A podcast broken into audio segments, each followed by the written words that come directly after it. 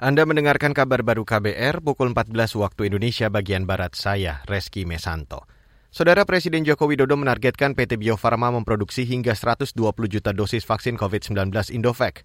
Saat meluncurkan vaksin COVID-19 Indovac, Jokowi menjelaskan di 2022, kapasitas produksi Indovac diperkirakan mencapai 20 juta dosis. Sementara di 2023 bisa mencapai 40 juta dosis.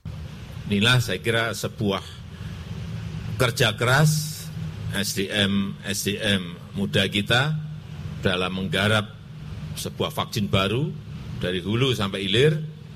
Ini memakan waktu Indovac dari awal sampai sekarang satu setengah tahun juga diam, nggak pernah bersuara, tahu-tahu jadi Indovac.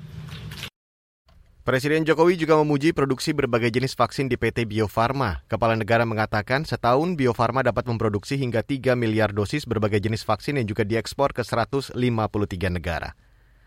Beralih ke berita selanjutnya, Saudara, Badan Pusat Statistik mengingatkan indeks harga pangan dunia terus meningkat.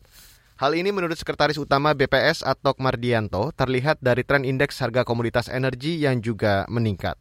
Kemudian kita juga lihat ya indeks harga komoditas energi dan makanan itu ternyata juga naik terus. Ya, naik terus. Tentunya ini sesuatu hal yang perlu diwaspadai. Nah, itu kira-kira situasinya. Sekretaris Utama BPS Atko Mardianto menjelaskan krisis pangan terjadi karena pandemi COVID-19 dan gejolak perang Rusia dan Ukraina. Data dari Program Pangan Dunia 2022 yang dirangkum BPS, sekitar 69,5 juta orang di Asia Pasifik mengalami rawan pangan. Saudara Komisi Pemberantasan Korupsi atau KPK memanggil Hakim Agung Gazal Basaleh untuk mendalami kasus dugaan suap pengurusan perkara di Mahkamah Agung atau MA yang menjerat Hakim Agung nonaktif Sudrajat Dimyati.